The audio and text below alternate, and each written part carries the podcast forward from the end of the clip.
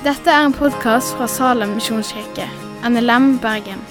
For mer informasjon om Salem, gå inn på salem.no.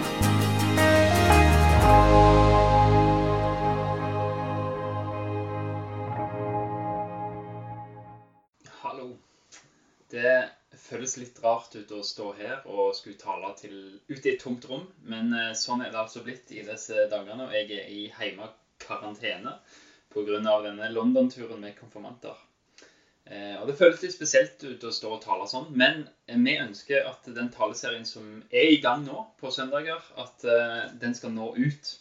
Og Det handler om de forskjellige typer salmer i Bibelen, og om hvordan vi kan bruke de i vårt bønneliv. At disse salmene har forskjellige sjanger, og at vi kan bruke de som forskjellige typer bønner til Gud. Hvis du sitter hjemme, så kan du finne fram med salme 13. Eh, Du vil få mest ut av talen hvis du har Bibelen foran deg. Så finn gjerne den fram, og sett på pause om du er nødt til det nå.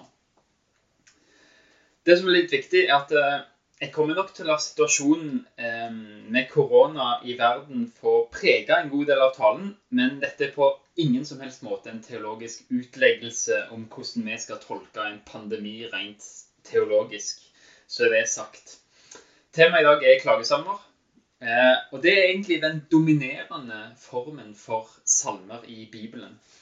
Det er som regel en situasjon, en uh, ulykke eller en stor sorg, en sykdom eller en syndenød som gjør at en salmisten utøser sin klage, en bønn, en nødskrik til Gud. Det som er fint med disse salmene, er at de bruker et ganske generelt språk, som gjør at det er lett for oss å bruke de inn i våre liv, inn i våre situasjoner. I en klagesalme er det ofte en eh, klage til en som hører. En som er allmektig. Du klager til Gud. Du har en god grunn til å klage, for du har en Gud som hører. Klagen består av et nødskrik eller et bønnerop eller et spørsmål. Eh, Det forklarer den nødlidende sin situasjon, og det er en anklage mot Gud. Og klagesalmene bruker veldig sterke ordelag. Og det er en utrolig fin trøst når du leser de sterke ordene som salmene kan bruke. For Bibelen kjenner til skikkelig nød. Skikkelige følelser. Ekte, dype følelser. Den snakker om dødens favntak. Og det å være utlevert til dødsrikes krefter. Til kaos, usikkerhet, nød og sykdom. Også på slutten av klagesalmene så er det som regel oftest en avslutning med en visshet på at Gud vil gripe inn. Som regel så er det basert på hva Gud har gjort tidligere. Et vitnesbyrd eller noe vi husker fra historien som forteller oss hvem Gud er, og hva han har gjort før, og at han kommer til å gripe inn igjen. Vi skal lese dagens salme, salme 13. Til korlederen en salme av David. Hvor lenge, Herre, vil du glemme meg for alltid? Hvor lenge vil du skjule ansiktet for meg? Hvor lenge skal jeg ha uro i sjelen og sorg i hjertet hele dagen? Hvor lenge skal fienden ha makt over meg? Se meg, svar meg, Herre, min Gud. Gi mine øyne lys, så jeg ikke sovner inn i døden, så min fiende ikke kan si 'Jeg har vunnet over ham', og mine motstandere ikke jubler når jeg vakler. Men jeg setter min lit til din miskunn. Mitt hjerte skal juble over din frelse. Jeg vil synge for Herren, for han har gjort godt mot meg. Denne salmen viser oss en vei fra å kjenne seg forlatt og glemt av Gud til gleden. Det er seks vers som hjelper oss å klatre opp fra et mørkt djup, et mørkt krater, og opp til et sted der vi finner håp og visshet. Stien opp er bunn, og drivstoffet vårt er en tillit til Guds karakter og til hans gjerninger. Utsikten fra toppen av krateret er spektakulær, og det forandrer tilbakeblikket vårt når vi ser på veien vi har klatra opp fra det djupe mørket vi var nede i i starten. Vi skal først se på dette djupet, fra vers 2 og vers 3, der fire ganger bruker David 'Hvor lenge Gud? Hvor lenge, Herre, vil du glemme meg for alltid? Hvor lenge vil du skjule ansiktet for meg? Hvor lenge skal jeg ha uro i sjelen og sorg i hjertet hele dagen? Hvor lenge skal fienden ha makt over meg? Her finner vi tre momenter som beskriver det dype mørket, det krateret vi er nede i. Det første er erfaringen av å kjenne seg glemt av Gud. At Gud gjemmer seg bort fra oss. At Gud ikke griper inn. Gud, hvor blir det av hjelpen din? Det er vondt å erfare. Det andre momentet som beskriver denne dype, mørke krateret, er følelsene av uro som vekker seg i oss når vi føler oss og opplever oss forlatt. Uro i sjelen, sorg i hjertet hele dagen. En annen salme, salme 77, vers 4-10, der beskriver disse urolige tankene på en god måte. Der står det Jeg tenker på Gud og sukker. Jeg grubler, jeg grubler, og min ånd blir kraftløs. Du holder øynene mine åpne. Jeg er urolig og kan ikke snakke. Jeg tenker på gamle dager og minnes fjerne år. Om natten tenker jeg på dette. Hjertet grubler, ånden gransker.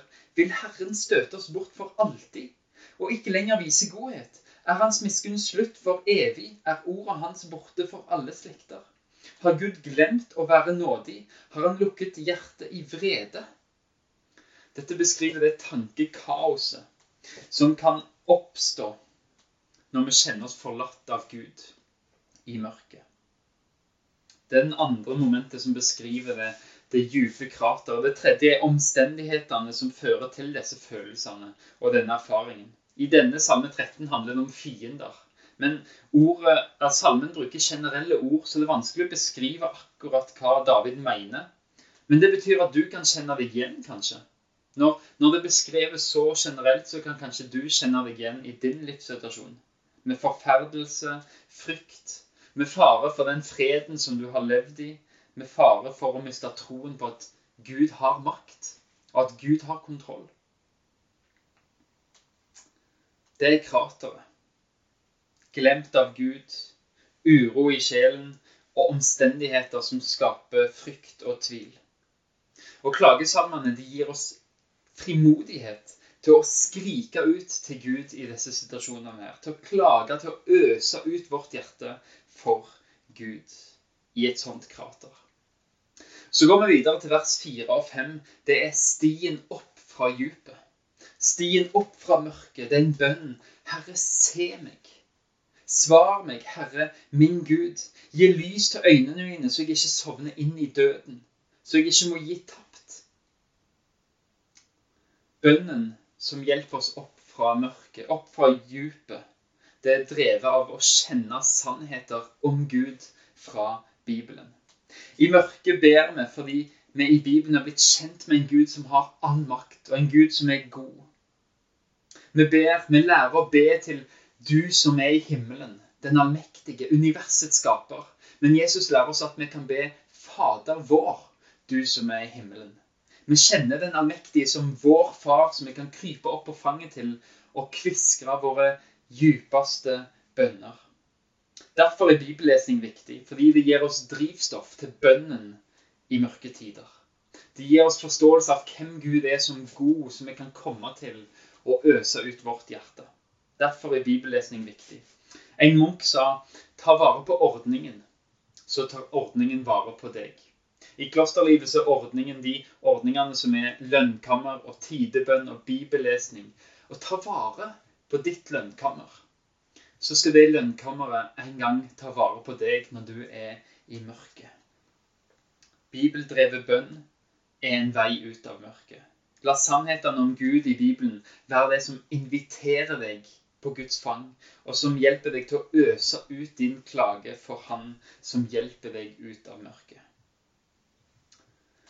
Det er stien opp fra mørket, bønnen som er drevet av bibelske sannheter. Og Når du kommer opp på toppen av kraterkanten, så kommer du til utsikten. Vers 6. Når du kommer opp til kraterkanten drevet av Guds sannheter i Bibelen og bønnen som har ledet oss dit, så vil du se at oppå toppen der så er det et skilt. Og i Bibelen så er disse skiltene på kratertoppene det er et stort men.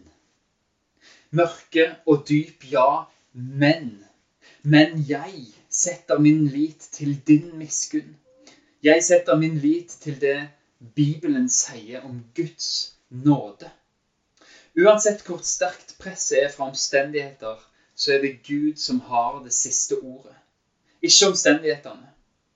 David setter sin lit til den trofaste kjærligheten som Gud lover sitt folk. Han vender ikke om oppmerksomheten til kvaliteten på sin egen tro og sine svakheter og sin mørke, men han vender oppmerksomheten på objektet for troen. Han vender oppmerksomheten til Gud, Guds miskunn og på resultatet av Guds nåde, nemlig frelsen. Den kan David glede seg over midt i alle omstendigheter, midt i mørket, midt i dypet. Derfor sier David, mitt hjerte skal juble over frelsen. David ser i framtida en gang så skal jeg få juble. Du skal en dag juble på tross av omstendigheter som du lever i, på tross av mørket. Jeg vil synge for Herren, for han har gjort godt mot meg. David kan tilbe, for Gud har gjort godt. Allerede, ja, han har gjort godt mot deg når Jesus døde på korset. Det har han gjort allerede. Du kan tilbe Gud for det, og du skal lovsynge Gud. Du skal juble over frelsen. For Jesus på korset, det beviser at Gud elsker deg så høyt at han vil ta deg òg til evigheten. Det jeg har lært av klagesalmer, det er hvordan jeg kan leve i frykten og i kaoset og i usikkerheten. Og jeg kan gjøre det med å gjøre sånn som David, ved å se på Guds trofaste kjærlighet. Se på evangeliet, og se på resultatet av det frelsen, evigheten, det evige liv. Evigheten sine nåværende konsekvenser. Det at perspektivet på livet og på våre omstendigheter de endrer seg totalt. Det viser Salme 13 oss. Vi kan stå på kraterkanten og se ned mot mørket, og så endrer blikket seg. For når vi så i mørket og så alt var meningsløst, så ser vi ned og ser vi har en Gud som har gått med oss. Vi kan leve i alle omstendigheter med et håp og en visshet. Ikke om at alt skal ende fredelig og gunstig her på jord, men at vi har en himmel over livet. Bibelen lærer oss at dette livet og denne jorden, det, det er ikke hele bildet. Det fins mer. En evighet uten lidelse, uten sykdom, Uten død, uten synd, uten sorg, uten smerte, mørke, hat og usikkerhet. Men vi lever ofte med evighetsamnesi. Vi glemmer evigheten. Vi tenker at dette er alt som gjelder. Det vi lever her og nå. Klagesalmene viser oss et annet perspektiv. Vi skal få lov til å sørge over det vi erfarer her og nå i en fallen verden. Men som bønnesvar på det nødskriket så vender Gud oss blikket vårt til evigheten og gir oss det perspektivet. Å glemme evigheten, det kan gi oss frykt. Det fyller tankene våre når vi skal sove. Alt som skjer her, er vondt. Du ser ikke svar på de tøffe spørsmål som omstendighetene stiller deg. Å glemme i evigheten, det frarøver deg fra fred, fra tålmodighet, fra tilfredshet i livets tøffe omstendigheter. Og Det kan òg føre til at du begynner å tvile på Gud. Du ser ikke at alle de velsignelsene som står i Bibelen, blir oppfylt her og nå. Og så begynner du å tvile. Har Gud virkelig makt til å gjennomføre disse velsignelsene i det hele tatt? Det har han, men han venter til evigheten. De siste dagene har vel vist at vi som mennesker kan ikke finne fred her på jord. Denne falne verden som er under syndefallets konsekvenser, det er bare en stor pekefinger som peker mot det eneste stedet der vi kan finne hvile og fred. En himmel uten sykdom, uten død og lidelse. Det er vårt håp. Bibelens sannheter om Gud og bønnen som de utløser, de hjelper oss til å løfte blikket fra dypet og opp til evigheten. Vi må opp på kraterkanten for å se Guds miskunn og frelse. Der er vår fred, og der er vår hvile.